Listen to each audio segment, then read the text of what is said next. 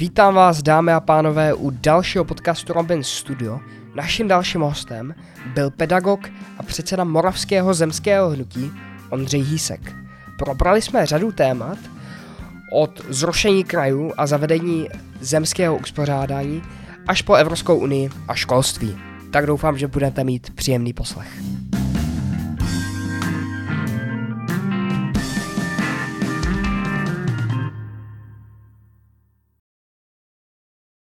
Dobrý den, dámy a pánové, vítám vás u dalšího podcastu. Naším dalším hostem je pedagog a předseda hnutí Moravské zemské hnutí. Vítám vás, dobrý den. Děkuji za pozvání, dobrý den. Ondřej Jísek ještě. Tak se jmenuju, ano. Jak se máte? Výborně, děkuji, mám za sebou natáčení v České televizi a teď to příjemné u vás. vy, vy, jste byl v pořadu Politické spektrum. Je to tak? Vy, vy tam chodíte nějak pravidelně, ne? Já už tam chodím několik let, to je pravda, ale teď bylo vlastně, že máme před volbami, takže speciální předvolební vydání, které trvalo 52 minut a bylo to takové delší, snad zajímavé, podívejte se, v neděli večer. Vy, vy jako Moravské zemské hnutí, tak kandidujete týká do nadcházejících voleb do poslanecké sněmovny. Vy máte ale kandidáty jenom eh, na Moravě, pokud to chápu správně. Eh, chápete to správně, eh, my jsme vlastně vznikli před třemi lety jsme byli registrováni a, protože nemáme žádnou finanční podporu od žádných agrobaronů a podobně, všechno si sami vybíráme, tak e, jsme se rozhodli tedy teď v té době, řeknu po těch covidových vlnách, že e, budeme kandidovat, budeme kandidovat v několika krajích, pokusíme se představit náš program, nezadlužíme se a e, snad bude mít někdo zájem o naši práci a budeme to rozvíjet do budoucna. Tak a co patří mezi hlavní body Moravského zemského hnutí? Tak uh, smyslem existence je určitě mm, vytvoření uh, zemského zřízení v České republice. Uh, Takže to by znamenalo zrušení krajů? No, podstatě znamenalo rozhodně po té stránce samozprávné, protože že jo, máme nějakou veřejnou zprávu, která se dělí na tu státní zprávu, samozprávu. Eh, lidi si to dneska pletou nebo v tom smíšeném modelu moc netuší, eh, jaký je rozdíl. My bychom to rádi rozdělili a jak si stát potom zařídí tu státní zprávu, to je, to je více méně jeho věc. Ale co se týče té samozprávy, tak eh, my máme vlastně v ústavě napsáno hned v prvním řádku. My, mhm. občané České republiky, Čechách, na Moravě a ve Slesku. A máme zde takový drobný problém. My od komunistického převratu v roce 1948 ty země tady nemáme. Oni administrativně neexistují, Gotwald se Slánským je zrušili a e, my bychom tedy zaprvé chtěli navázat tady na tuto tradici, ale hlavně tedy vybudovat e, systém nový, co se týče té samozprávy, který bude funkčnější.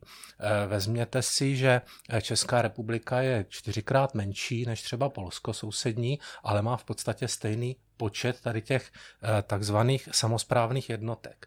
No a když si vezmete, kam jdou naše daně, tak ze 70% je rozdělují tady centrální úřady Praze, z 20% jdou na obce a jenom těch 10% jde mezi 14 krajů, které zvenku vypadají jako samozpráva, ale ve skutečnosti z 10% hmm. se eh, o to prostě nepostaráte, o takovéto území. Takže eh, tohle to chceme napravit, ale zároveň jsme založeni na eh, principu územní samozprávy. Nemáme v tom žádný nacionalismus nebo nějaký separatismus, vůbec ne. Tak proč se jmenujete eh, po jednom území České republiky, mm-hmm. když nechcete ehm, výstup Moravy z České republiky. Nechceme výstup Moravy ani z České republiky, ani z Evropské unie, naopak chceme scelit Českou republiku do těch zemí, tak jak, jak vždycky byly eh, Čechy, Morava, Slesko, případně jako čtvrtá země může být Praha, jako metropolitní, jako metropolitní země. No a začínáme tam, kde tomu rozumíme a kde, kde máme sílu nějakou, to znamená na té Moravě, ale budeme velice rádi, když najdeme partnery eh, v nějakém, řeknu v uvozovkách, českém zemském hnutí, sleském zemském hnutí a e, můžeme takto pokračovat, ale začínáme z mála. T- takže ten důvod, proč jste jenom v jednom tom regionu, nebo proč máte v názvu jenom jeden region České republiky, tak je spíš finanční? Nebo... Je to nějaký, nějaký dílčí krok, nějaký vývoj. On souvisí samozřejmě taky s historií, protože tady to usilování o, o Moravu nebo o zemské zřízení bylo logicky vždycky silnější právě na té Moravě nebo v tom Slesku. Eh, tady v Praze ve státním centru zřejmě nebyla eh, pocitována taková důležitost něčeho takového. Eh, někdy zlé hlasy říkají, že to tady někteří berou jak tu Českou republiku jako, jako nějaké velké Čechy a všichni uh-huh. jsme Češi a národ a jedno centrum a co oni to tam ti Moraváci vlastně chtějí a po rozpadu Československa jim to radši teda uřízneme úplně, aby jednou nezlobili jako ti, eh, jako ti Slováci. Jo? Takže eh, my jsme v toho zešli, jsme Moraváci, ale eh, vůbec se nebráníme tomu, naopak bychom chtěli a přivítali, kdyby naše aktivity byly lépe chápány a podporovány i v těch ostatních zemích v rámci České republiky. Rozumím tomu, ale když řeknu jakýmu, skoro jak, jakýmukoliv člověku, kterého potkáte na ulici, název vaší strany, Moravské zemské hnutí, tak si začne myslet, že je to něco um, nacionalistického, že, že by možná chtěli vystoupit z České republiky. Mm-hmm. Já tady vidím, eh, zaprvé to není pravda a když se tak, tak taky bavím už spoustu let eh, s lidmi a i třeba tady v Čechách, tak se to dá poměrně jednoduše vysvětlit. Samozřejmě ty předsudky zde jsou, jsou posíleny i tím nešťastným rozpadem Československa v 90. letech. Myslím si ale, že jsou posíleny i jakýmsi českým státním nacionalismem, ně, ně, něčím takovým. A když eh, za mnou přijdou žáci do školy, tak eh, se často rozesmutní hned na začátku, že ten přemysl Oráč není skutečná postava a ta Libuše a že jsou tady nějaké země a prostě zdá se mi, že je to, že je to i otázka toho školství. Takže opravdu tady ta myšlenka na eh, zemskou samozprávu, tak jak je to v normálních západoevropských zemích, jak je to v Rakousku, jak je to, jak je to v Německu, to je skutečně konečně odpoutání se od jakéhosi toho totalitního dědictví, od tady toho eh, nefunkčního nebo loutkového krajského zřízení a opravdu zatím nehledejte ani separatismus, ani nacionalismus, nic takového. Tedy v našem podání. Pokud by to mělo úspěch, vaše strana, tak tak se nebráníte tomu, aby, aby to expandovalo do celé České republiky? Aby to... My bychom to přivítali. Jo? My si uvědomujeme, že z, z nějakého střednědobého hlediska my potřebujeme ty partnery v Čechách i v tom Slesku, aby to mělo uh, význam té České republice. V Evropě je máme. My jsme jako Moravské zemské hnutí součástí Evropské svobodné aliance, což je taková regionalistická strana v Evropském parlamentu. Je tam asi 50 uh, eh, podobných stran a hnutí z celé Evropy nebo hlavně z Evropské unie. Takže tam to funguje, tam tomu rozumí jenom tady nějak pořád narážíme na jakousi bariéru mentální, řekněme. Hmm.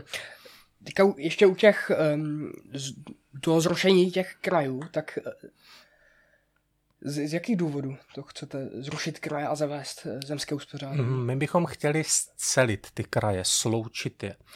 Eh, ty kraje vznikly v druhé polovině 90. let nebo mezi lety 97 2000 a e, hodně zatím stáli teda e, ti aktéři, kteří jsou potom zpěti s opoziční smlouvou, to znamená Miloš Zeman, Václav Klaus a e, když se dneska zeptáte třeba Petra Pidharta, což byl vlastně premiér na začátku 90. let, tak vám řekne, že to byla obrovská chyba, že něco takového vzniklo. Eh, dokonce vám i potvrdí to, jak ty kraje vznikly, jak si jeden politik vlastně přes noc v parlamentu prosadil, že vznikne nějaký kraj Vysočina.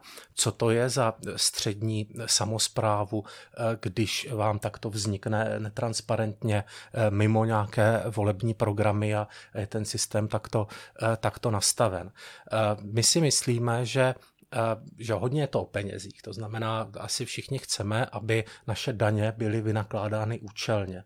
No a my tvrdíme, že tedy by měly být vynakládány tam, kde ty daně vznikají. A e, pokud, e, já nevím, stavíte v Brně nádraží nebo nějaký, nějaký máte vlastně brněnský problém, e, nebo chcete investovat do něčeho, tak by na to asi měly být peníze v Brně. Pokud je to něco, co se týká celostátního zájmu, nech to vzniká z celostátního rozpočtu. Je-li to celokontinentální zájem, ať to vzniká na základě peněz Evropské unie. V České republice tohleto vlastně namalovala příroda. Že jo? Je to podle toho, kam odtéká voda. Voda z Moravy jde do Černého moře, ze Slezska do Baltu, do Severního moře z Čech. Takže ta logika i v souvislosti nevím, s ekologií, s dopravou, tady je prostě na těch zemích, nikoliv na těch krajích, které vznikly z vůle komunistických činitelů v tom roce 48. ty současné kraje v podstatě kopírují ty kraje z roku 1948. No a ten Gotoval Ceslánským to dělali kvůli tomu, aby se jim lépe centrálně vládlo, aby, aby tu společnost prostě ovládli a jaké, jaká míra násilí potom přišla na tom přelomu 40. 50. let, to víme, takže tam určitě nebyl, ne, nebylo eh, zatím nic bohulibého. Znamená, ten náš eh, přístup eh, chce zefektivnit i tu Českou republiku, i ty naše země, i tu zprávu našich věcí. Mm. A pardon, že jsou delší, ale eh, ještě bych dodal a zopakoval, že pokud se tváříte, že máte samozprávu, ale dáte na ní, tady ten střední článek, ale dáte na ní jenom 10% ze státního rozpočtu a navíc to ještě nastavíte nespravedlivě. Nevím, jestli víte, tak uh, vlastně po Praze nejvíce do státního rozpočtu přispívají občané Jihomoravského kraje, ale v přepočtu na obyvatele dostáváme nejméně peněz, přibližně polovinu, co dostávají uh, občané kraje Vysočina. V tom je obrovská nespravedlnost a jo, je to špatně nastavený systém a ještě v rámci toho systému je velikánská nespravedlnost. Tak jak, nebo i, i, s, i s těma eh, zemskýma, eh, nebo i s těma zem, zeměma, tak um, to, je, to je stejně problém eh, v, v tom, jak se uh, rozdělují ty peníze, ne? Že, že tenhle ten problém, který jste teďka popsal, tak by byl i, uh, i v těch zemích. Taky ne? Uh, no, záleží, jak by ty daně byly rozděleny. Jsou tam vlastně dvě možnosti. Uh, ta taková možná pochopitelnější, lidé by si aspoň uvědomili, že to není nic, žádný erár, ale že jsou to jejich peníze. Když si ta země vybere ty peníze, ty daně sama, pak si s nimi sama hospodaří a je daleko pod větším dobr, drobnohledem a, a kontrolou hmm. těch občanů, než kdyby to tak nebylo. Nebo alespoň změňme rozpočtové určení daní a řeknu, dejme eh, třetinu na ty záležitosti celostátní, třetinu na ty záležitosti zemské, třetinu na ty záležitosti obecní, ještě tam zbyde to uh, procento na vlastně Evropskou unii. Jo, jo. Takže eh, by to mělo vypadat tak, že ty jednotlivé země tak eh, si budou vybírat vlastní daně. Teda. Je to, je to možnost. Je to možnost. Mhm.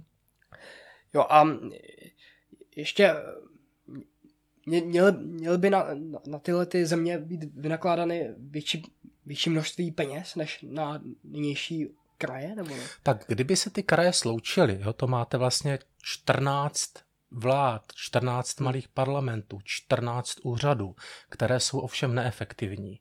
Jo, protože spravují území, které vlastně nemá smysl. Jsou ta území příliš malá. To znamená, vy si přečtete, že ty kraje mají ledacos na starosti, eh, ale ve skutečnosti jenom třeba přeposílají peníze ze státního centra směrem já nevím, do škol eh, například. Takže eh, Ušetřilo by se tím, že by se zredukoval počet a zároveň by to bylo efektivnější, protože některé záležitosti se efektivněji spravují na té úrovni eh, zemské, nikoliv na té, eh, na té úrovni celostátní. Ale neznamenalo to zase eh, centralizaci, kdyby se zvětšovaly ty, ty, vel, ty kraje jsou menší než země, ne?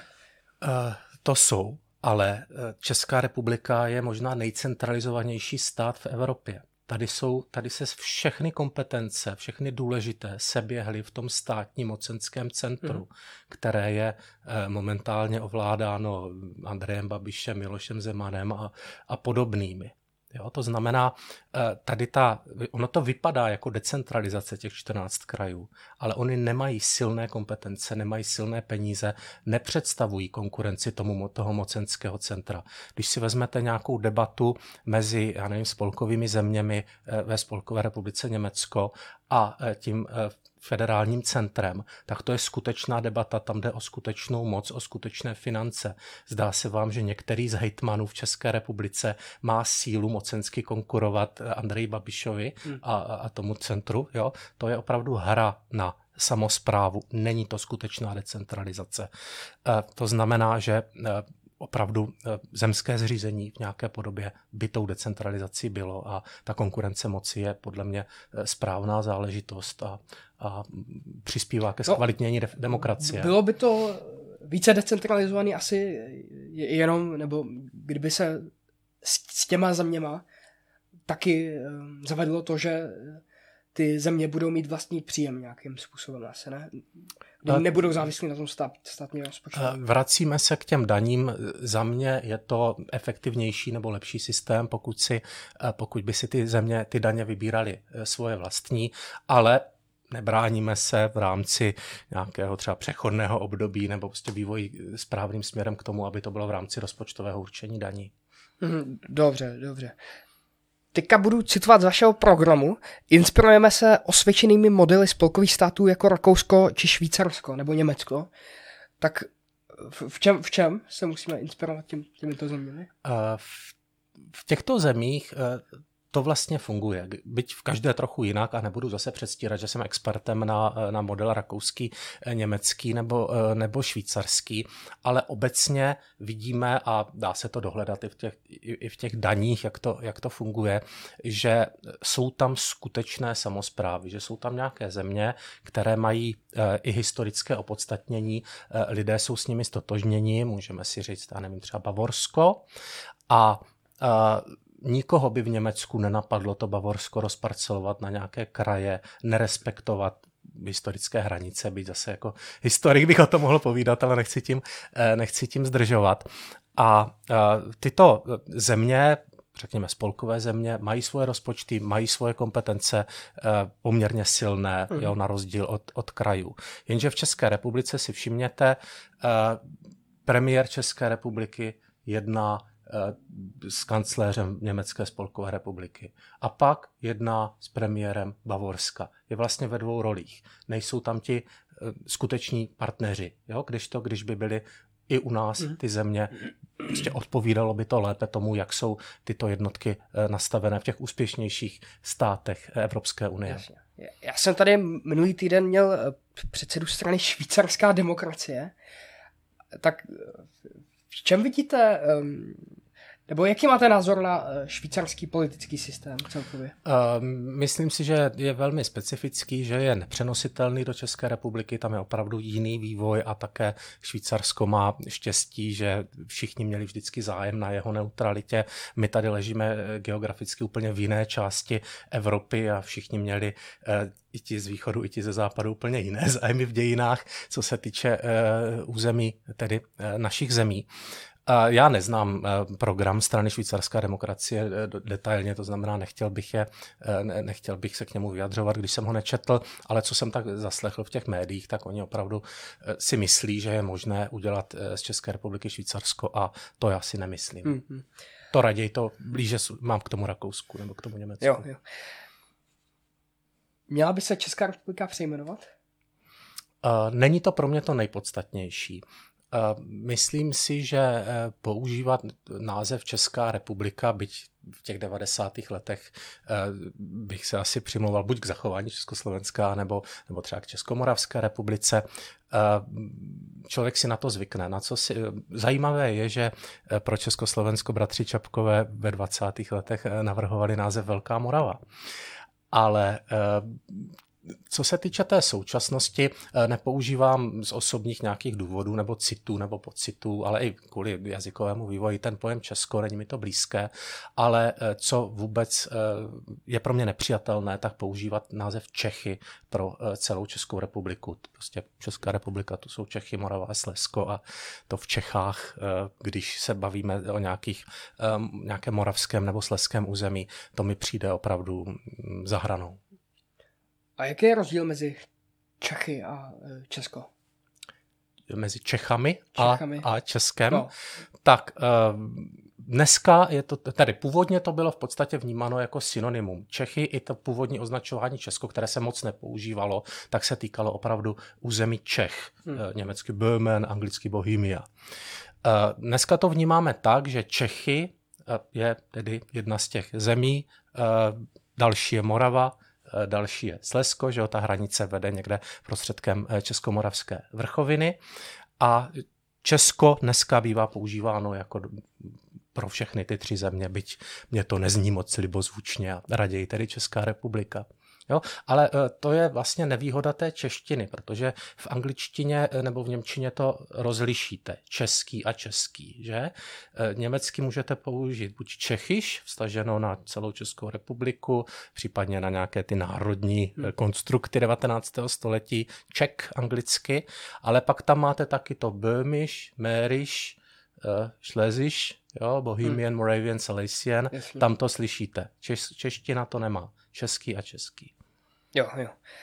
A na co by se měla přejmenovat, když Říkám, pro mě není a pro nás není prioritní to přejmenování. Pro nás je eh, nejdůležitější to, aby to vnitřně fungovalo, aby tady byla ta samozpráva.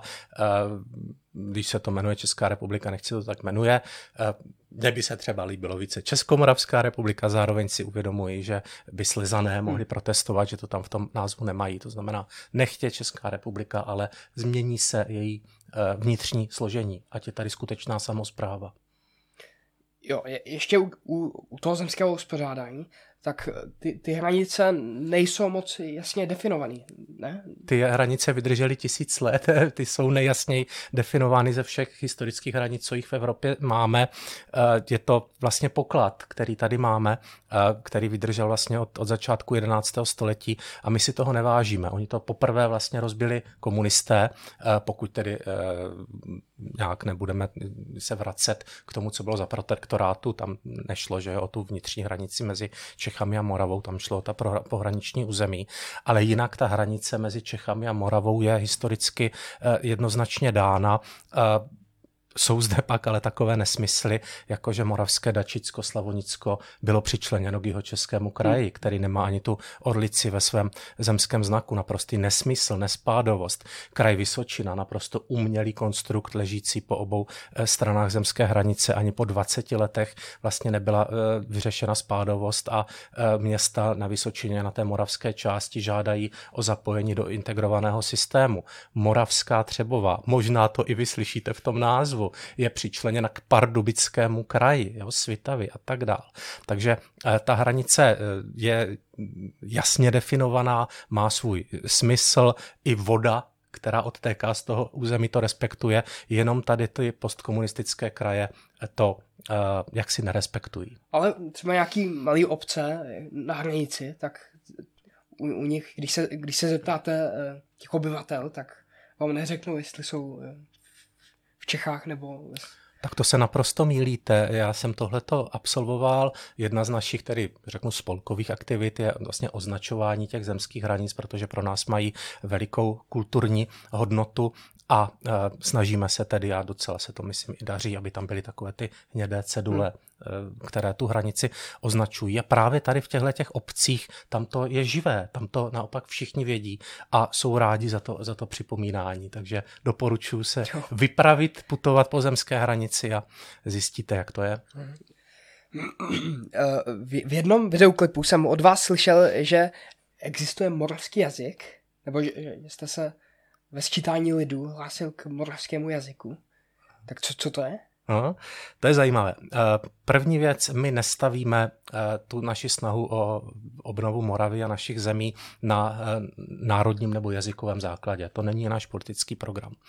Ale kromě vás a několika výjimek se nás na to moc nikdo neptá ale je, jeden, je jedna možnost, kdy tomuto státu můžeme dát jako občané najevo, že eh, něco není v pořádku, hmm. že se eh, necítíme být eh, národními Čechy a že nám tady ta centralizace a český nacionalismus vadí. No a tento moment tedy je jednou za deset roků a je to sčítání lidu.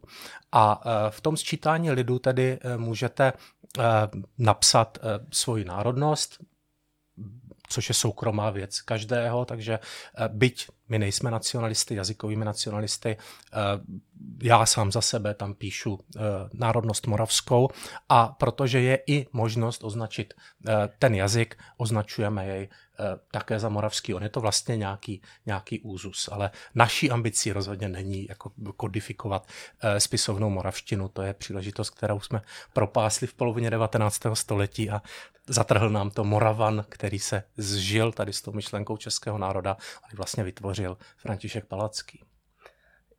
Já se v tom jazyce nebo v těch moravských nářečích nevyznám, ale ono není možno jenom mluvit moravštinou nebo Záleží, jak jazyk pojmenujete. Mm. Slovanský jazyk na Moravě byl běžně až do, do poloviny 19. století označován jako moravský. Ale protože eh, Morava je i geograficky taková spíše průchozí země, která se, eh, kde, kde nikdy nevzniklo jedno uprostřed nějaké silné centrum, které by všechno jazykově převálcovalo, jako v Čechách to udělala Praha, že jo, ta obecná čeština. My tady teď spolu mluvíme spisovnou češtinou, ale jistě byste slyšel rozdíl, mm. kdyby někdo z Prahy že jo, nebo z Čech eh, hovořil eh, přirozeněji. Kdežto na Moravě eh, dlouhou dobu a do dneška taky si toho nevážíme. Tady zůstal ten poklad těch nářečí dialektů. A čeho jsou to nářečí? Češtiny nebo spíš moravštiny? Že? Pro mě je důležité třeba, aby ta nářečí se, se uchovala, byť já sám příliš e, nářečím nemluvím, mohli bychom se pokusit třeba. E, babičku jsem měl ze Slovácka, takže ta by vám v životě neřekla naschledanou, vždycky nazledanou. E, Brno hodně spadá ještě do toho, do toho hanáckého, řeknu, výběžku, takže prostě ta hanáčtina, že asi, asi znáte, jdu pro móku, že? A potom elity moravské až do vysídlení obyvatelstva v roce 45 uh, eh, hovořili hlavně německým jazykem, takže taky spousta těch germanismů hmm. se, nám, uh, se nám v jazyce zachovala. Jo, jo, dobře. Ještě zase u těch krajů, tak kdyby se to tady zavedlo, tak Slesko by byl docela malý, jako dnešní, dneš, ještě menší než Moravskoslezský kraj dneska, ne? Nebo by to vypadalo? To je, to je docela citlivé téma, protože skutečně ta, tady ta historická hranice Slezska je otázkou. Jo? Tam existují vlastně dva koncepty, buď ji, buď ji udrže, tam mít jinak řešenou státní zprávu, třeba v rámci přibližně těch hranic současného Moravského, Moravskoslezského kraje, kdežto tu samozprávu mít v těch historických hranicích. Ale je tam problém, že jo, máte Moravskou ostravu, Sleskou ostravu. Tam ten vývoj byl v tom posledním eh, století poměrně bouřlivý. Eh, já bych se do toho osobně eh, příliš nepletl, my máme nějaký návrh, jak by to mohlo vypadat, ale jinak, ať si tohle rozhodnou tamní obyvatele, ať si to rozhodnou slezané. Referendem třeba, Referendum. kde by byla ta hranice, které obce by kde chtěli být. Takže jednotlivé obce by si zvolili? Eh, v tom, řeknu, ne, problematickém, v tom problematickém území si myslím, že uh-huh. by to tak mělo být. Ale možná by se vytvořily enklávy, ne? Enklávy zde byly dlouhou dobu, ty vlastně zanikly až eh, v roce 1928, moravské enklávy ve Slesku. A nechci nikoho nějak podráždit, byť jsem historik, tak pro mě osobně to už není to, eh, to nejdůležitější, ale nechal bych to na tamním obyvatelstvu. Uh-huh. Jo, jo. A na Moravě po i v vašem hnutí nebo po straně Moravané, tak asi, asi není zas tak velký zájem, ne? Nebo jsem viděl, že jste měli pár desítek tisíc eh, hlasů při komunální voleb. Hmm.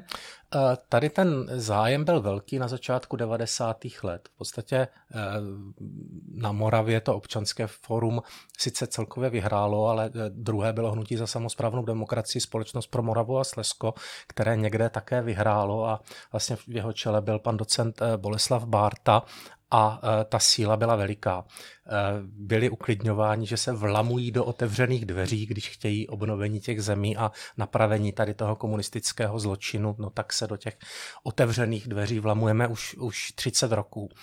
E, po rozpadu Československa tady tento zájem opadl. Jo? Tam opravdu ta společnost tohoto byla otrávená a byť my, nebo na Moravě si myslím, že moc lidí jako pro rozpad Československa nebylo, tak jsme to pak odnesli. Jo? Je nám podsouváno, vy jste další Slováci, taky jste separatisti, chcete se trhnout, a tak vám nedovolíme ani tu zemskou samozprávu. Jo, to, to cítím jako eh, nespravedlnost, to se nám občas objevuje i na tom, i na tom Facebooku. Od té doby to eh, hnutí jo, s tím malým H prošlo velkým vývojem různých slučování, rozpadů, těch, těch stran bylo eh, vícero. Dneska jsou nějaké tři, čtyři čistě takto pro moravské subjekty, které se však liší různých otázkách, jo, ta podoba samozprávy hmm. nebo přístup k evropské integraci a podobně. A to, že jsme teďka poměrně slabí, to máte pravdu a na tom budeme muset zapracovat my do, do, do budoucna, aby se toto, toto změnilo. Zatím voliči na Moravě věří těm českým stranám. Jo. Je to naše práce. Hmm. A vy jste byl, nebo po, po roce 89 tak byla uh, nějaká mor- moravská strana uh, vedená Boleslavem Bartou. Uh, já, já jsem to nevyznám, tak kdo, kdo, kdo byl Boleslav Barta? Jmenovalo se to Hnutí za samozprávnou demokracii Společnost pro Moravu a Slezsko. Vlastně kořeny toho hledejme v roce 1968, kdy ta e, společnost pro Moravu a Slezsko zase měla obrovskou podporu, statisícovou. Byli tam nevím, rektor Masarykovy univerzity a další osobnosti a zase chtěli, e, tenkrát bylo Československo, tak v podstatě trojfederaci. Hmm. Země Česká, země Moravsko, Slezská, Slovensko. No tohle to zatrhl Gustav Husák, tohle to zatrhly ruské tanky, takže eh, na dalších 20 let tato eh, společnost musela vlastně přerušit svoje aktivity. A pan docent Boleslav Bárta, hm, což byl profesně vlastně klinický psycholog, eh, věnoval se dětské psychologii také, tak v té společnosti působil už v tom roce 68 a pak zase v roce 1989 začal obnovovat tady eh, tyto aktivity. Jak říkám, oni měli obrovskou podporu, eh, byli eh, zastoupeni v parlamentu i Československém federálním, i v té České národní radě v roce 1990, ale potom, jak říkám, z mého úhlu pohledu hlavně kvůli rozpadu Československa tu popularitu potom ztratili. Jak to? Z jakého důvodu? Jak už jsem naznačil, tak a jak vy jste vlastně naznačil, tak když někdo řekne moravské zemské hnutí nebo obnova zemské samozprávy, tak v zahraničí ne, ale u nás, hlavně na západní straně zemské hranice, vás napadnou ta nehezká slovíčka jako nacionalismus a separatismus a uh, tahle, tuhle tu myšlenku to mohlo evako, evokovat. Jo? Trhli se Slováci, teď chtějí Moraváci svoji uh, samozprávu a jednou ji třeba zamění za samostatnost, jo? což je prostě nefér. Jasně, tak, takže bylo to hnutí Boleslava Barty. Uh-huh to zaniklo? Nebo co, co se s ním stalo? Eh, ta společnost pro Moravu a Slezsko jako nepolitický spolek existuje do dneška, mm-hmm. ale eh, vlastně to hnutí a i vedle toho hnutí vznikly další politické subjekty a nebudeme teď ztrácet čas tím, že bych je tady všechny jmenoval. Oni se často lišili jenom nějakou drobností v názvu. Potom došlo, ne teda u všech, ale značná část těch subjektů potom byla asi před 20 lety sloučena do politické strany Moravané. Do té jsem vstupoval i já asi, asi před deseti lety, ale protože... Jste byl předsedou. Já jsem byl dokonce i předsedou později tedy, dokonce dvakrát jsem byl zvolen předsedou ale mým cílem bylo mm, takhle. Tenkrát strana Moravané byla v Evropské svobodné alianci, což je prostě středová regionalistická strana Evropského parlamentu, což mi naprosto vyhovuje. Myslím si, že máme jít tady touto cestou, ale eh, vždycky tam byla v té straně různá křídla, jo, hmm. která, eh, která měla eh, různé zaměření a pro mě osobně a pro lidi kolem mě bylo nepřekonatelné to, že ve volbách před čtyřmi roky se tak nějak domluvilo to, eh, že eh, členové té strany budou kandidovat na kandidáce SPD Tomia Okamury. Eh, v ten moment jsme, jsme odešli a za nějakou dobu, tedy když si několik desítek z nás řeklo, že tak toto nenecháme, tak jsme pak založili Moravské zemské hnutí. Ale když jste byl předsedou, tak nemohli jste tyto členy nějak vyhodit nebo něco? Asi, asi ano, ale jak sám naznačujete, nejsme tak velcí a většina z nás tady tyhle ty aktivity vykonává dosti idealistickým způsobem a za vlastní peníze. A e, pokud takovéto mocenské boje a vylučování se dějí v nějakých stranách a hnutích, která mají skutečnou moc, tak dejme tomu, tady ten makiavelismus má nějaký smysl. E, my jsme fungovali dost na e, čestné slovo a v momentu, kdy ta Na jednu stranu jsme byli s naším programem zvoleni znovu do předsednictva a na druhou stranu někdo vyjednal a získal podporu pro, pro kandidaturu na kandidátce SPD, tak to jsme si řekli, že nemáme zapotřebí. Ale asi to nebylo většinový směr, ne? V té v straně Moravané, když jste byli předseda? Asi to bylo půl na půl a asi to stačilo na zvolení do předsednictva, ale pokud někdo chtěl v nějakém momentu mít o těch pár hlasů víc, eh, co se týkalo kandidátky v parlamentních volbách za SPD, tak eh, to asi stačilo také. Ale není nakonec, nebylo by nakonec lepší, kdyby, kdybyste tu stranu nechal jako Moravané a měli byste svoje frakce v té straně?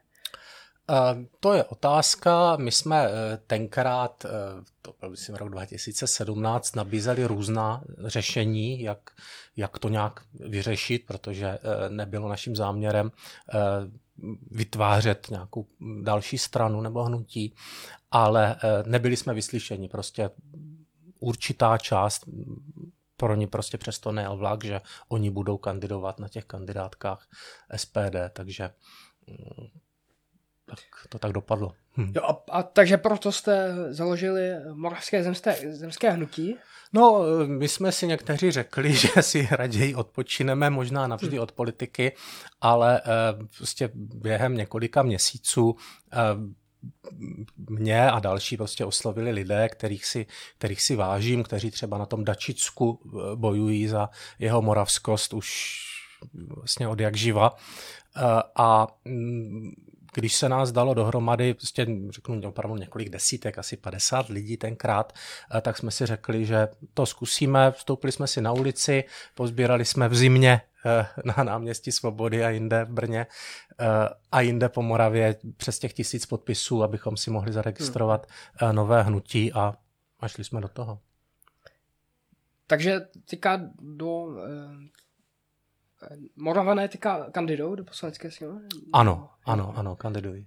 Takže teďka kandidují eh, dvě strany a pokud to chápu správně, tak uh, Moravské zemské hnutí tak je víc proevropský a Moravané jsou víc euroskeptičtí. Je to tak, zase nechci mluvit za stranu Moravané, to si, to si každý může sám dohledat nebo poslechnout jejich představitele. Moravské zemské hnutí je Eh, pro zemské uspořádání na územním principu. My nechceme ten národní federální princip, jak byl za Československa, který taky má nějaké konotace s tím stalinistickým režimem, to nám, to nám blízké není. Skutečně ten územní občanský princip, tak jak je to eh, ve vyspělých zemích eh, v Evropě. A stejně tak jako dalších mnoho desítek podobných stran a hnutí v Evropě eh, jsme pro evropskou integraci, protože si myslíme, že prostě část kompetencí má být v obcích, část v zemích, část ve státě a část taky v Evropě. On, už opustíme tu iluzi, že eh, tady mezi, řeknu, Německem a Ruskem je nějaká možná skutečná eh, státní suverenita. Myslím si, že 20. století nás přece přesvědčilo v letech 38-39, v roce 68, že to je, že to je iluze a pokud se změní ta bezpečnostní situace, tak, eh, tak, jsme, eh, tak jsme na hraní a jsme obětí. To znamená oslabovat eh, Moravu, ale i Českou republiku, Evropu nějakými Czexity a podobně. To, je, to bych svým dětem nikdy neudělal. Jo, jo, do, dobře, dobře. A teďka bych se chtěl zastavit u, nebo u dalšího tématu. Pod, podporujete nezávislost um, evro, jiných evropských, uh, řekněme, nebo například státu, ne, ne státu, ale regionu jako Katalánsko nebo Skotsko? Tak my si myslíme, že tamní eh, obyvatelstvo si to eh, může rozhodnout samo.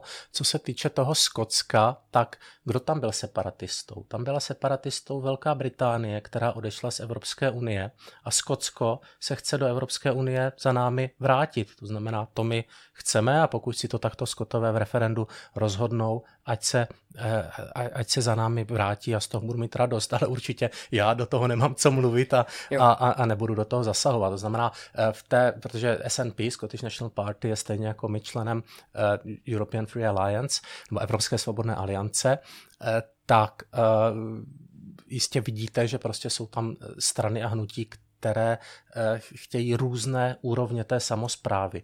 Někdo touží po zachování vlastní kultury, někdo chce, jako my, prostě samozprávu uvnitř toho státu a někteří, jako třeba to Skotsko, chtějí samostatnost a zároveň ale se vrátit hmm. do té evropské rodiny. Takže naprostý respekt.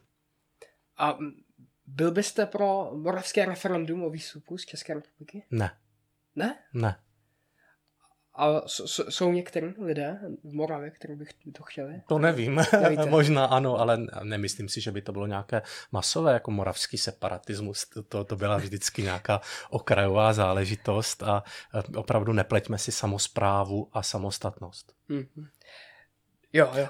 Je tady jo. možná jeden moment, kdybych byl pro. Pokud by Česká republika vystoupila z Evropské unie, pak bych byl pro to, aby se Morava vrátila do Evropské unie. To je snad jediný moment.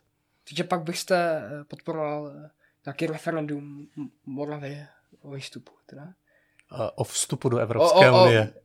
I když by to bylo za cenu výstupu z České republiky, ano, ale to je uh, obecně, uh, to je samozřejmě teorie a uh, obecně si přeju, aby uh, Česká republika zůstala v Evropské unii, Morava v České republice, ale aby se jí vrátili uh, práva nebo aby prostě získala práva, aby se, abychom se mohli normálně rozvíjet. Teď my nemáme po 30 letech ani kilometr navíc té dálnice do Vídně, já mám z Brna blíž hmm. do Vídně než, uh, než do Prahy, uh, kde jsou ty rychlodráhy, kde jsou, kde jsou prostě ty investice investice. My platíme poměrně velké daně, ale ten rozvoj jak si tam moc nevidíme. Jo, do, dobře. Označujete se za pravici nebo levici? A my jsme široký střed. Střed. Mhm. Co, co, co to znamená? Co to znamená? Že u nás jsou i lidé, kteří mají nebo kladou větší důraz třeba na nějakou sociální problematiku, tak ty byste mohl označit za nějaký levý střed. A e, nebo jako já, já jsem spolumajitelem soukromé školy, e, tak možná jsou pravý střed. No. A takže například ek- ekonomicky, co, Um, jak, jak vnímáte tržní ekonomiku? Je to něco? Uh, myslím si, že to je um, liberální demokracie spolu s tržní ekonomikou. Hmm. To jsou poměrně základní hodnoty, na kterých stavíme a uh, já bych si protože jsem prožil část svého života v totalitním komunistickém režimu, tak já už bych si nepřál, aby se vymýšlely nějaké další experimenty. Eh, samozřejmě eh, už to není ten liberalismus nebo něco, jak, jak, to, jak to bylo v 18. století. Víte, že se to vyvíjelo, všechny tady tyto systémy, že eh, jistě musíme být i sociálně citliví, ale ta, ta podstata tržní ekonomiky a liberální demokracie, to bych si moc přál, aby zůstalo zachováno a bylo rozvíjeno a deficity, aby byly odstraňovány, třeba centralismus přílišný. Jo, jo. Teďka, um, myslím, že byl schválen státní rozpočet na 2022, nebo ještě bude? Nejsem si teďka jistý. A myslím si, že ještě ne. Že ještě ne. A doví, jak to dopadne. No. Vy byste nehlasoval pro takovýto rozpočet? Ne, to bych teda nehlasoval. Z jakých důvodů? Eh, protože tak zaprvé ten trend je děsivý. Jo. Já ve svém životě se nezadlužuji a uh, myslím si, že pokud se stát takto hluboce a takto dlouhodobě zadlužuje a ten trend prostě jakoby ne, neměl konce a jenom část se dá odůvodnit těmi pro, protipandemickými opatřeními, tak to teda, když už se to počítá v bilionech korun a je to vlastně dluh, který přenášíme na vaši generaci, na naše děti, eh, tak eh, to pro mě, eh, to je, to je prostě strašně špatně. A zároveň bych asi měl říct, kde na to vzít peníze. Nemyslím si, že se dá zázračným proutkem udělat z deficitu 300 nebo 400 miliard vyrovnaný rozpočet, ale pokud by se k tomu přistoupilo rozumně, tak se podle mě na konci toho dalšího volebního období k tomu můžeme blížit. A jedním z našich řešení je právě ušetření na eh, tady tom centralistickém systému v kombinaci s hrou na krajskou samozprávu. Eh, myslíme si, že opravdu tam, by, tam ty desítky minimálně miliard jsou. Mm-hmm.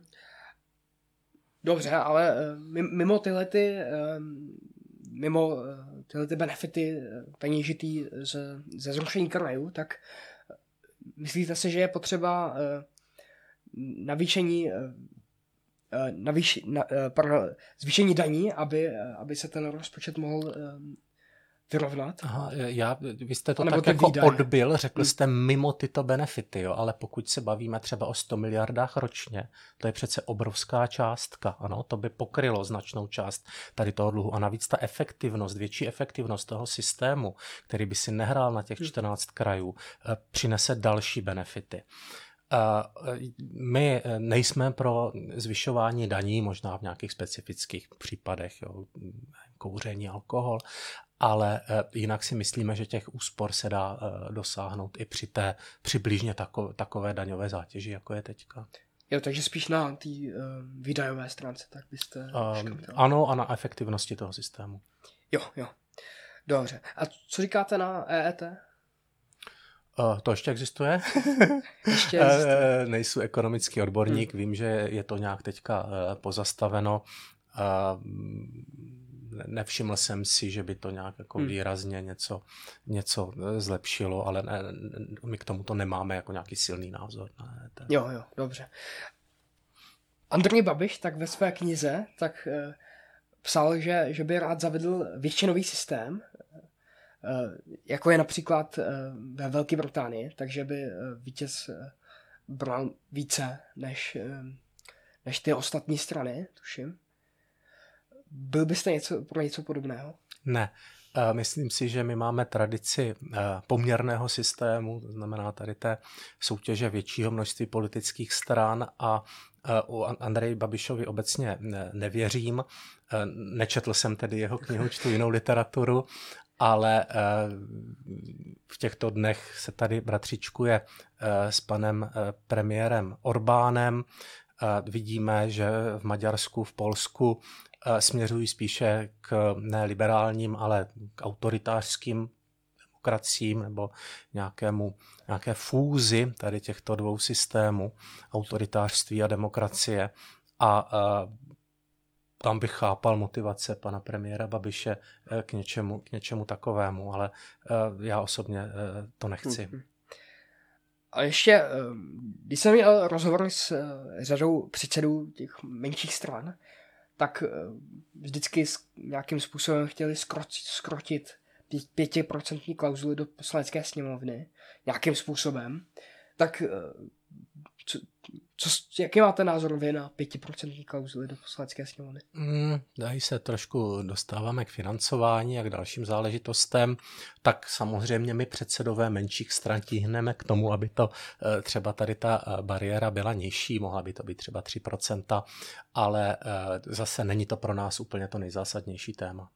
Kdyby v ostatních věcech fungovala aspoň trochu fair pravidla, nějaká rovnost eh, té politické soutěži, tak by nám to stačilo. No. Ale nechci si stěžovat, hmm. vůbec ne, je to o naší práci. Jo. Vy jste řekl, že jste liberální strana, nebo? Liberálnější, jo, já zase bych tady ty škatulky eh, politologické, co je konzervativní, co je liberální, nechal politologům, ono podle mě v dnešním světě to funguje mm. trochu jinak a raději bych, eh, než bych se nějak politologicky definoval, nebo nás, eh, bych se bavil třeba o těch konkrétních tématech, otázkách, kde by si to potom jo. někdo mohl do těch tabulek srovnat. Jasně, jasně, dobře. Tak rád bych se zastavil zase e- Evropské unie. Mm-hmm.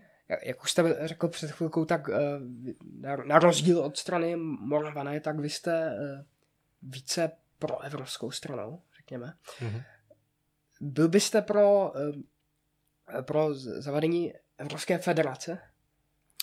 Eh, my bychom jako cíl chtěli dosáhnout něčeho, čemu se říká Evropa regionu. To znamená, aby eh, v Unii, která by byla silná i třeba v těch zahraničně politických nebo obraných záležitostech, že opravdu pokud si 27 eh, států hraje že každý, na to, že každý z nich je suverénní a dokáže se ubránit nevím, hybridní válce z Ruska a podobně, tak si myslíme, že to tak není. To znamená, Unie by měla podle mě plnit nebo podle nás tady tuhletu úlohu silné Unie v zahraniční Eh, politice a obrané politice, ale zároveň by měla dát, eh, a to je domácí úkol České republiky, nikoli v Evropské unie, eh, měla by dát možnost svým regionům, svým zemím, aby v ní také nějakou úlohu hráli. To znamená, aby i ta Morava v mém případě měla nějaké zastoupení i na té evropské úrovni.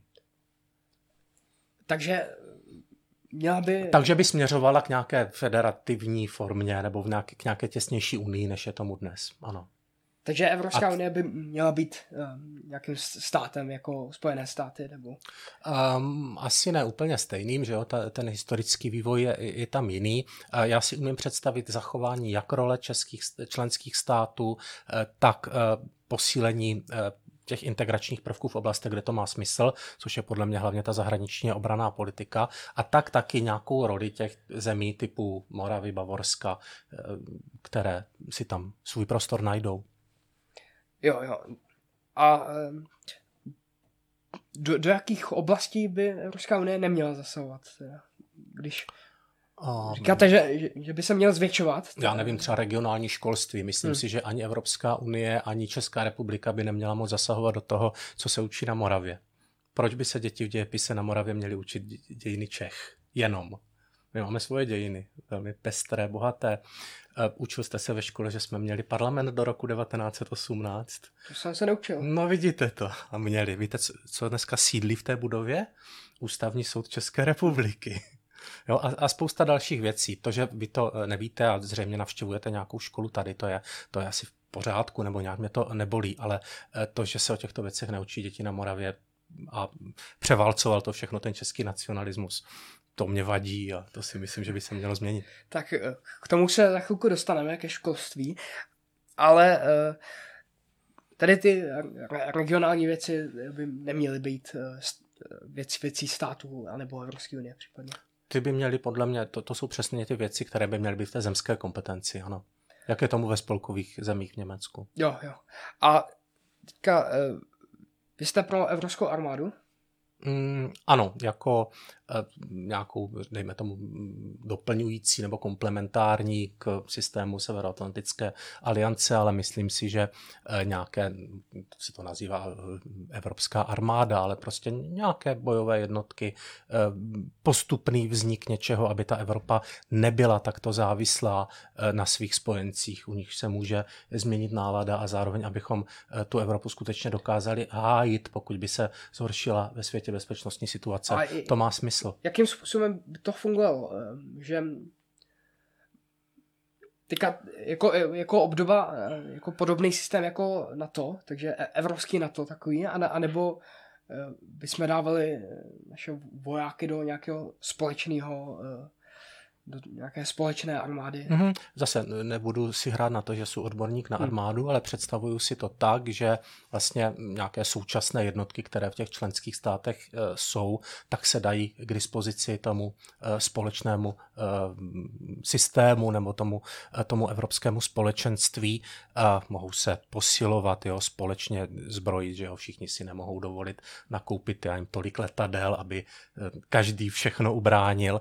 A zároveň Eh, takovéto, eh, takovéto jednotky nebo takovýto systém může eh, fungovat i ve spolupráci s tou Severoatlantickou aliancí. Myslíte si, nebo nebude to ohrožovat právě tu spolupráci s NATO? Myslím si, že i Spojené státy americké budou rády, že konečně Evropa svůj díl zodpovědnosti za kolektivní obranu bere vážně a že nejsme jenom dlužníky kteří vlastně neplní ani, ani ty eh, peníze do společného rozpočtu, které jsme, eh, které jsme slíbili dávat, nebo peníze na obranu, abych byl eh, přesnější, 2%. ta 2%. Takže myslím si, že to ohrožující není, ba právě naopak. A co kdyby Česká republika třeba měla jiné, jinou zahraniční politiku než Evropská unie, tak stejně bychom byli donuceni Uh, poslat tam ty vojáky a posílat peníze taky. Ne? No, já si osobně myslím, že zahraniční politika by se měla vést hlavně na úrovni Evropské unie. Zahraniční politika, kterou předvádí Babišova vláda v kombinaci s Milošem Zemanem, eh, se mi zdá abych to řekl slušně, nevhodnou a nedůstojnou a v podstatě dysfunkční. Co to je za zahraniční politiku takového malého státu, jak může vést suverénní zahraniční politiku například vůči Ruské federaci, to je, to je přece nesmysl. Ale pořád to platí, ne? Že kdyby, nebo kdyby aspoň čeští občané, tak když nesouhlasí s, s tím postojem, nebo hypoteticky, protože teďka, teďka uh, hypoteticky, kdyby čeští občané nesouhlasili uh, s, po, s postojem té Evropské unie, která by dělala tu zahraniční politiku, tak pak, pak to je problém, ne? Nebo... No, občané České republiky eh, se mohou ve volbách vyjadřovat a volit i podle zahraniční politiky. Mm-hmm. Zároveň jsou občany i Evropské unie. Zároveň eh, by měli být taky chráněni v hybridní válce, což si umím představit právě hlavně pomocí vzdělávání, aby měli možnost se v těchto záležitostech orientovat. Takže mm, myslím si, že v zájmu občanů České republiky je jednotná a silná evropská zahraniční politika, protože když jsme měli suverénní v uvozovkách eh, zahraniční politiku jako eh, Československo v roce 1938-39, hmm. v roce 1968, tak jsme suverénně skončili jako okupovaný stát. A teďka uh, uh, jo, rozumím, rozumím vám.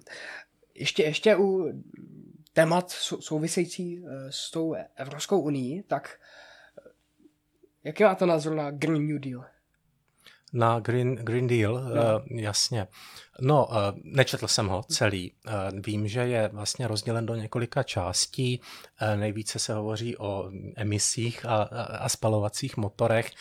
Já bych viděl příležitost v tom, že vlastně tady máme zdroje na, na inovaci našeho hospodářství, které eh, potřebujeme. My přece nemůžeme být nějakým skanzenem, který si z ideologických důvodů bude dál vyrábět auta se spalovacími motory, pro které nenajde odbyt na západoevropských trzích, které jsou prostě bonitní a do značné míry ekonomika České republiky stojí právě na tomto vývozu.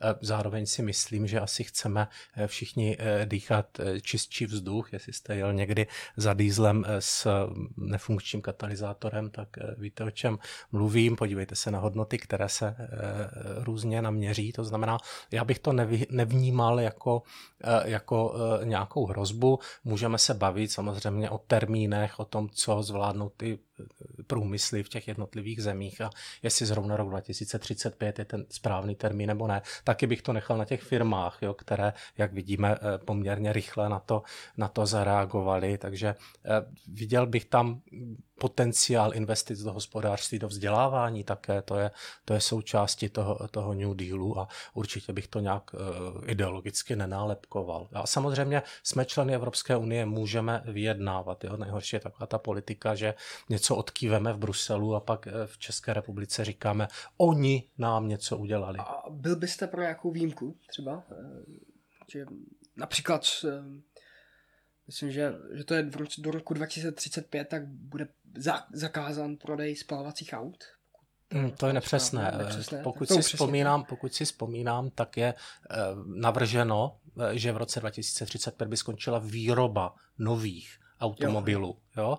Protože když si koupíte, hmm. já nevím, z bazaru jako já, tak eh, tam to asi bude, bude, bude fungovat nadále. Jo? A chápu, že asi ty bohatší země, eh, že v tomhle tom budou rychlejší, ale Česká republika je významný producent automobilů eh, na, na ty evropské trhy, takže se tomu určitě, určitě bude přizpůsobovat také, ale jestli to má být rok 2030 nebo 40, opravdu o tom se asi dá jednat, ale tomu budou rozumět hlavně ti uh, majitele těch firm nebo prostě ti, ti, ti, co se zabývají tím průmyslem. Ale souhlasíte s tím, že, že by že, že by ta výroba měla být zakázaná. To byste, jako když jste se mě zeptali, jestli souhlasím s tím, že skončily parní lokomotivy. Jo? Ten, ten vývoj tady prostě je. E, nejde jenom o ten motor, že taky o to, odkud tu elektřinu získáváme. Zřejmě chceme taky e, méně znečišťovat ovzduší uhelnými elektrárnami, takže tady jsou různé recepty na to. Jiné jsou v Německu, jiné jsou, e, jiné jsou v České republice,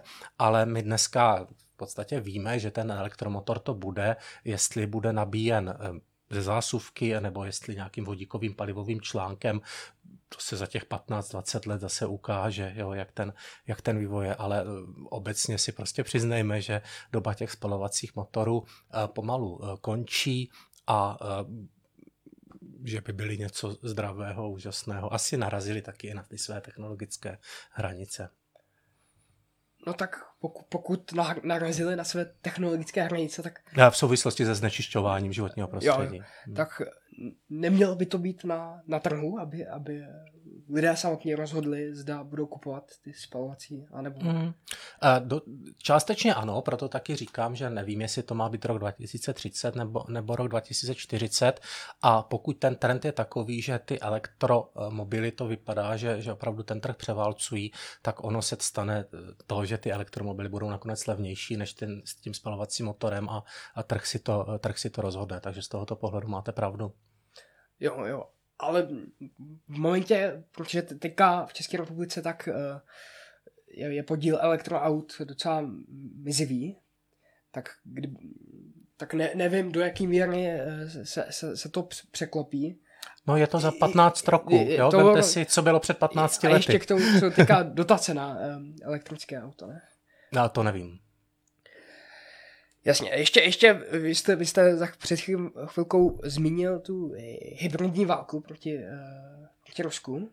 Ne, ne tak Ruska, válku, Číny, nebo, dalších proti Evropě, západní civilizaci, hmm. ano. Tak nebo v, v čem vidíte benefit toho, že jsme v Evropské unii, která je, jak by měla Evropská unie bojovat proti hybridní válce? Teda? Hmm, to jsou dvě otázky. No. Benefit vidím v tom, že jsme součástí nějakého civilizačního okruhu, který nám kromě ekonomických benefitů společného trhu poskytuje i e, prostor pro rozvoj liberální demokracie. Neznám prostě systém, byť bych dokázal jmenovat nedostatky liberální demokracie, tak neznám systém lepší. A e, tyto hodnoty si myslím je potřeba chránit, a, e, protože tyto hodnoty e, a toto uspořádání nevyhovují autoritářským a totalitním režimům, tak jsme terčem hybridní války, která někdy přeroste ve válku nebo v situace opravdu násilné. Připomenu dva mrtvé na Moravě ve Vrběticích při teroristickém útoku, státním ruském teroristickém útoku. A e, někdy jsou to ty e, drobnosti, jakože některé informační weby tu více okatě, tu méně okatě šíří informace e, na sociálních sítích. Vidíte některé aktivity, některé naivní, některé sofistikované, organizované. A pro mě je velikánskou hodnotou svoboda slova. To znamená, já bych určitě nebyl tím, který by řekl, a teď se to musí zakázat, protože bych tam viděl hmm. nebezpečí v tom, že se ta svoboda slova omezí příliš a že bude zakázáno i něco, co by, co by zakázáno být nemělo, být třeba eh, v dobrém, v dobrém úmyslu.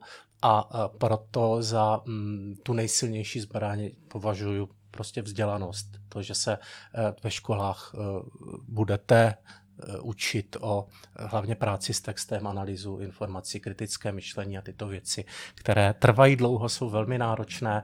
Někdy se to pak ani nepovede ten výsledek, ale jinou cestu moc nevidím. Takže boj proti hybridní válce tak není záležitostí Evropské unie ani České republiky. Je to věc um, těch zemí, Moravy, protože jste předtím řekl, že, že by to mělo být záležitostí školství by mělo být záležitostí těch zemí jednotlivých. Tak to, to, vám, to, vám, to vám děkuju za tohleto myšlenkové spojení, to je krásné. Myslím si, že to je především otázka vzdělanosti a v tomto, eh, nebo vzdělávání, možnosti vzdělávání a podpory eh, vzdělávání. A nemyslel jsem u toho primárně na to v tomto smyslu, kde to bude, odkud to bude financováno, ale ano, školství obecně si myslím, že by mělo být, mělo být v těch zemích. Pak tady máme ale tu otázku širší, kterou můžeme na, na ní dát nálepku, já nevím, kyberbezpečnost mm-hmm. třeba, jo, a to už má, to už eh, nesouvisí samozřejmě se školstvím, to už souvisí s bezpečností uh, serverů v nemocnicích, asi jste slyšeli o, o těchto útocích, vlastně i u nás uh, proběhly a mají potenciál velkých škod, nejenom ekonomických, ale i, i na životech a to už bych asi uh, nechal zase na těch různých stupních uh, státním, uh, evropském třeba také. Mm-hmm. A um, ještě, ještě bych se chtěl zastavit tu ty Evropské komise, tak hmm. v, jak vnímáte to, že oni nejsou vo, volení zástupci Obecně e, Evropská unie je smlouva. To je smlouva mezi členskými státy. V důležitých věcech dodnes, pokud se na něčem jednomyslně nezhodnou členské státy, pokud nepředají Evropské komisi tu danou zodpovědnost, tak ta komise ji prostě nemá. Jo? To znamená, tady je jakýsi paradox, kdy eh, často je nadáváno na Evropskou hmm. unii a ti samí politici eh, třeba té komisi nedali eh, dostatek pravomocí v té dané oblasti a, a vylhávají se, vyvinují se z toho. Jo? To jsme viděli, že byly tady pokusy o Evropskou ústavu. Jo? To znamená, za mě tady jistý deficit demokracie je, ale paradoxně je způsoben těmi, kteří vlastně bojují za ty za tu moc těch členských států a odmítají eh, tento deficit demokracie odstranit, mm. protože se bojí, že by přišli o svoji moc v rámci těch členských států. Takže jak by to mělo vypadat? Teda přes, přes volby do Evropského parlamentu, tak pak uh, nějak z toho automaticky po nějakém vyjednávání tak vyplnou členové Evropské komise? Nebo a jak bys to viděl? Zase, tak toto by byla, tady je otázka, co je reálně možné a v současnosti příliš bohužel eh, na nějakou reformu tady v tomto posílení demokracie v Evropské unii ty členské státy, jak si na to moc chuť nemají, ale eh, podle mě smysl eh, má o to usilovat. Ten Evropský parlament může být eh, dvoukomorový, ta druhá komora může zastupovat právě takové země, jako je třeba, eh, jako je třeba ta Morava, ale to je otázka asi trošku vzdálenější budoucnosti.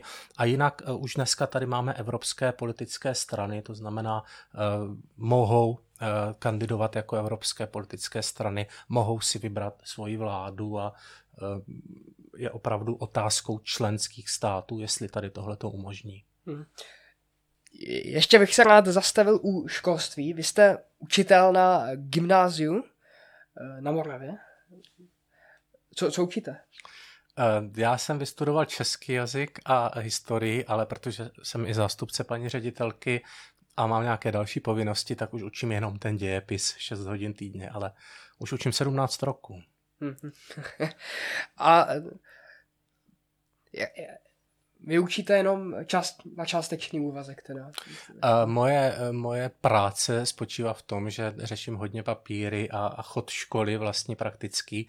To znamená, že reálně bych o moc víc času než těch 6 hodin týdně uh, neměl, protože jsem zároveň spolumajitelem té školy. My máme gymnázium, malou základní školu, uh, malou mateřskou školu, takže učím si tady ty své starší studenty. A trápím je i s moravskými zemskými dějinami, ano. A to je eh, soukromá škola. Když jsou spolumajitel, je to soukromá škola, ano. Jo, jo. A jaké změny jsou potřeba v českém školství? I v moravském a sleském a uh, myslím si, že eh, školství možná přirozeně má v sobě silný konzervativní prvek.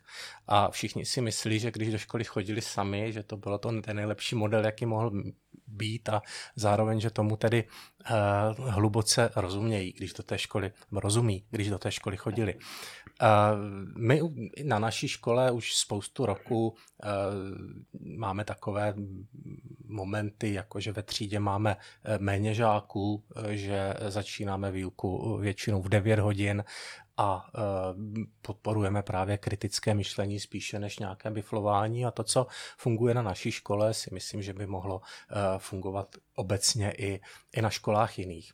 E, jsem rád, že nemáme osnovy, to znamená, že nemusí všechny školy v České republice se učit přesně všechno to samé v tom samém čase, že ty současné rámcové vzdělávací programy nám dávají větší volnost, ale i oni určitě potřebují už provětrat a mohli by připravovat spíše na budoucnost. Mhm. Takže jak to funguje, ty rámcové vzdělávací programy? To je nějaký povinný dokument, který musí každá škola splnit, který vlastně je centrálně vydáván ministerstvem školství a na jeho základě si každá škola zpracovává svůj školní vzdělávací program, který musí respektovat, co je v tom rámcovém, ale zároveň dává možnost některé věci modifikovat, rozvíjet podle, eh, podle zaměření té školy. Jo, jo.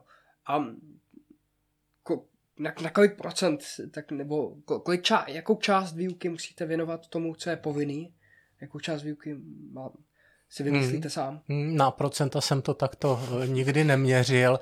A odhadem asi bych řekl, že to pemzum povinné, že budou nějaké dvě třetiny asi a přibližně třetina, ale berte to jako, jako můj odhad tady a teď od vašeho stolu. Jo, jo. ale uh, i ty povinné témata, které musíte učit, tak uh, tam si můžete zvolit formu, jakou chcete, ne? Nebo... Um, ano, je, máte nějaké téma a pokud uh, si myslíte, že třeba není tak extrémně důležité, tak mu můžete věnovat malé množství vyučovacích hodin, kdežto máte-li něco, co vás zajímá nebo co považujete za zásadní pro ty žáky, můžete tomu dát větší časovou dotaci, můžete různě měnit formy výuky, frontální, projektová, exkurze, když to umožní mm-hmm. situace. To je ale i na, na, na státní školách. Ne? Ano, v tomto jsou vlastně naroveň eh, státní soukromé církevní školy, tam nejde o formu, právní formu zřizovatele, tomuto podléháme všichni. Mm-hmm. A eh, měly by ty podmínky eh, být nějak laxnější nebo nějak uvolněnější, aby, aby ta škola měla větší možnost se rozvíjet do určitého směru? Myslím si, že by se to rozhodně nemělo zhoršit, protože mm, jsou zde tlaky na zase zavedení zpátky těch osnov a předtím bych varoval a to, to opravdu by, eh, by nebylo správné. A nechci se odborně vyjadřovat k jiným předmětům, nerozumím jim. Za ten dějepis si umím představit, že by nás ty rámcové programy mohly trošičku více navádět k tomu, abychom v těch daných zemích se eh, věnovali dějinám těch daných zemí, nejenom těm, eh, těm českým státním či národním národním dějinám a tady ten mm, to zemské dějepisectví nebo ten regionalismus, aby tam zastával svoji roli. Protože myslím si, že to má smysl a věřím, že i, i, i moje studenty baví, když, si, když diskutujeme o záležitostech, eh, které znají ze svého hmm. okolí. Ale teďka mi nedokážete říct, jestli, jestli by, by se měly eh, zvětšit ty pravomoce nebo je, jestli by, jestli by toho povinného um, materiálu, který musíte probírat, by se měl zvětšit nebo zmenšit. To vám dokážu říct. Tak. Uh, myslím si, že uh, bych, měl by dal se zmenšit? Bych, uh, dal bych větší kompetence ředitelům škol a toho povinného by mělo být méně. To je můj názor. Jo, jo. A o, o jak moc méně? Hmm, to, to, to vám opravdu, hmm. to nechci takhle přeměřovat. A jaké další změny jsou potřeba eh, ve školství? Tak eh, musíme, eh, zaprvé zbavil bych se už toho, že ta škola má vychovávat k nějakému českému národnímu něčemu. Jo? Opravdu ta vzdělávací část by se měla podle mě věnovat i uh, primárně jiným věcem. Třeba stojíme před uh, další průmyslovou revolucí, že jo. Uh, jsme v době té takzvané hybridní války. Máme tady nějakou evropskou souvislost, také regionální a, a podobně. Taky považuji za chybnou eh, premisu, že by škola měla vzdělávat podle potřeb současných firm, současného pracovního trhu, protože pokud teď vyprodukujeme někoho, kdo zaplní nějaké volné místo v nějaké konkrétní firmě, tak ono to za pět let eh, hmm. může eh, ten obor celý třeba zkrachovat, že jo, my nikdo přesně nevíme, jaké obory budou potřeba úspěšné za, za nějakých 10-15 roků, možná i za méně. Takže můj názor je, že žáci by se měli co nejdéle vzdělávat všeobecně a ta specializace by neměla přicházet po základní škole někdy ve 14-15 letech, ale, ale opravdu až potom třeba na té, na té škole vysoké. Ono to, ta vzdělanostní společnost, ono to zní jako kliše, ale my už dneska víme, že přece se musíme celoživotně vzdělávat. Já už bych asi úplně neuspěl dneska s tím, co jsem se kdysi před 20 lety eh, naučil na škole, že ty technologie, ty poznatky jsou, eh, jsou jinde a v jiných oborech, třeba v informačních, že jo? to je, eh, ten vývoj je, je velmi rychlý. Takže všeobecné kvalitní vzdělávání, spíše kritické myšlení, než, než nějaké biflování. Hmm. A ještě eh, nemělo by to být, eh, nebo ten věk té specializace, tak ne, nemělo by to být na, na těch studentech, aby si zvolili sami, eh, kdy se začnou specializovat? Přecházíte do obecné češtiny. Hmm. Myslím si, že tady velikánskou roli hraje, hraje rodina. My si sice nalháváme, že máme všichni, pokud nemáme nějaký handicap, eh, že máme podobnou startovací linii, ale uh, asi víte, že jsou rodiny, které eh, vedou děti ke vzdělávání, to vzdělávání jako a vzdělání jako hodnota je, je veliké a pomohou těm dětem. V některých rodinách tomu takto bohužel není. To znamená, tyto rodiny si myslím, že ten systém by měl, by měl podporovat, aby, aby ti žáci skutečně tu volbu potom měli, aby to nebyla jenom zdánlivá volba, že někdo si vybral, že půjde na nějaký obor v těch 14-15 letech, aby to skutečně odpovídalo třeba potenciálu toho žáka, který by třeba mohl dále pokračovat k univerzitnímu vzdělávání, jenom ho to nenapadlo, nebo jeho rodina ho v tomhle nepodpořila. Hmm, Ale na druhou stranu to t- zase uh, studenty, kteří jsou rozhodnutí, tak tyto studenty uh, nutí, aby byli um, nespecializovaní, ale aby se učili o, o řadě tématech, o, o kterých nemusí ani mít zájem. Ne? Ale tak to už je zase na výběru té školy, že jo, máme hmm.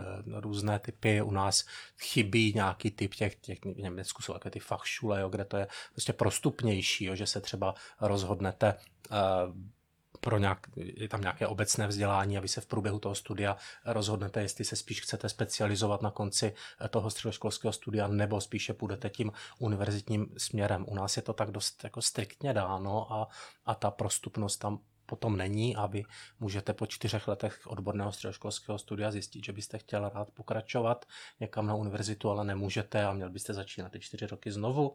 To je, je, je problém, že jo? A ta společnost takto přichází o, o velikánský potenciál. A podívejte se na trh práce, jo, jak, kdo má ve skutečnosti ten velký problém, jak je to s rekvalifikacemi a tak dále. Ti, kteří šli tou cestou všeobecného vzdělání, eh, pokračovali na univerzitách, mají rozhodně větší šance. Hmm, hmm. Je, je ještě něco, eh, nějaký zásadně programový bod eh, Moravského zemského hnutí, eh, abych vol, aby potenciální voliči věděli, proč vás volit? Já si myslím, že to podstatné jsme řekli. Budu moc rád, když vaši, naši diváci, posluchači se zamyslí nad tou problematikou samozprávy, která je provázána se spoustou dalších věcí přes tu Evropskou unii, demokracii, hospodářství. A pokud navštívíte i naše webové stránky, tak budu, můžu říct jaké?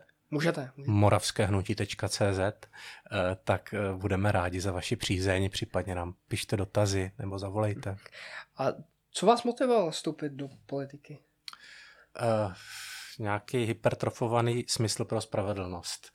Uh, já jsem se rozhodl, takhle, my jsme měli možnost eh, s manželkou bydlet buď v Německu, nebo v Polsku, nebo v České republice. Já jsem se poznal se svojí nastávající ženou v Německu na studiích, ona je z Polska, ze severního a eh, rozhodli jsme se prostě pro Jižní Moravu. Já jsem tam získal práci, máme děti a a zároveň mám prostě znalost nějakou toho, jak to bylo je a u, u nás a jak to třeba funguje eh, jinde ve světě a prostě nejsem spokojený s tím, jak to eh, na té Moravě zatím dopadlo a eh, myslím si, že vlastně Česká republika nevyužívá potenciál naší země a občanů na Moravě, ve Slesku, vlastně ani v těch Čechách ne. Ten, ten centralismus je, je v tomto škodlivý. No a protože si myslím, že mohu takto ukázat cestu, nasměrovat někoho, eh, rozvíjet nějaký, nějaké politické směřování, eh,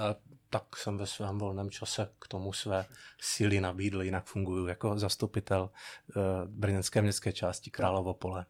A ještě proč bych měl volit Moravské zemské hnutí do poslanecké sněmovny v nadcházejících volbách? A pokud byste nás zvolil, eh, potom vám slibujeme, že to všechno, o čem jsme se tady bavili, budeme postupně realizovat a že z toho bude mít prospěch nejenom Morava, Slezsko, ale i Čechy, celá Česká republika, vlastně i ta Evropská unie. Dobře, moc vám děkuji, že jste dorazil. Moc děkuji za pozvání. Mějte se, naschle. Mějte se dobře, naschle.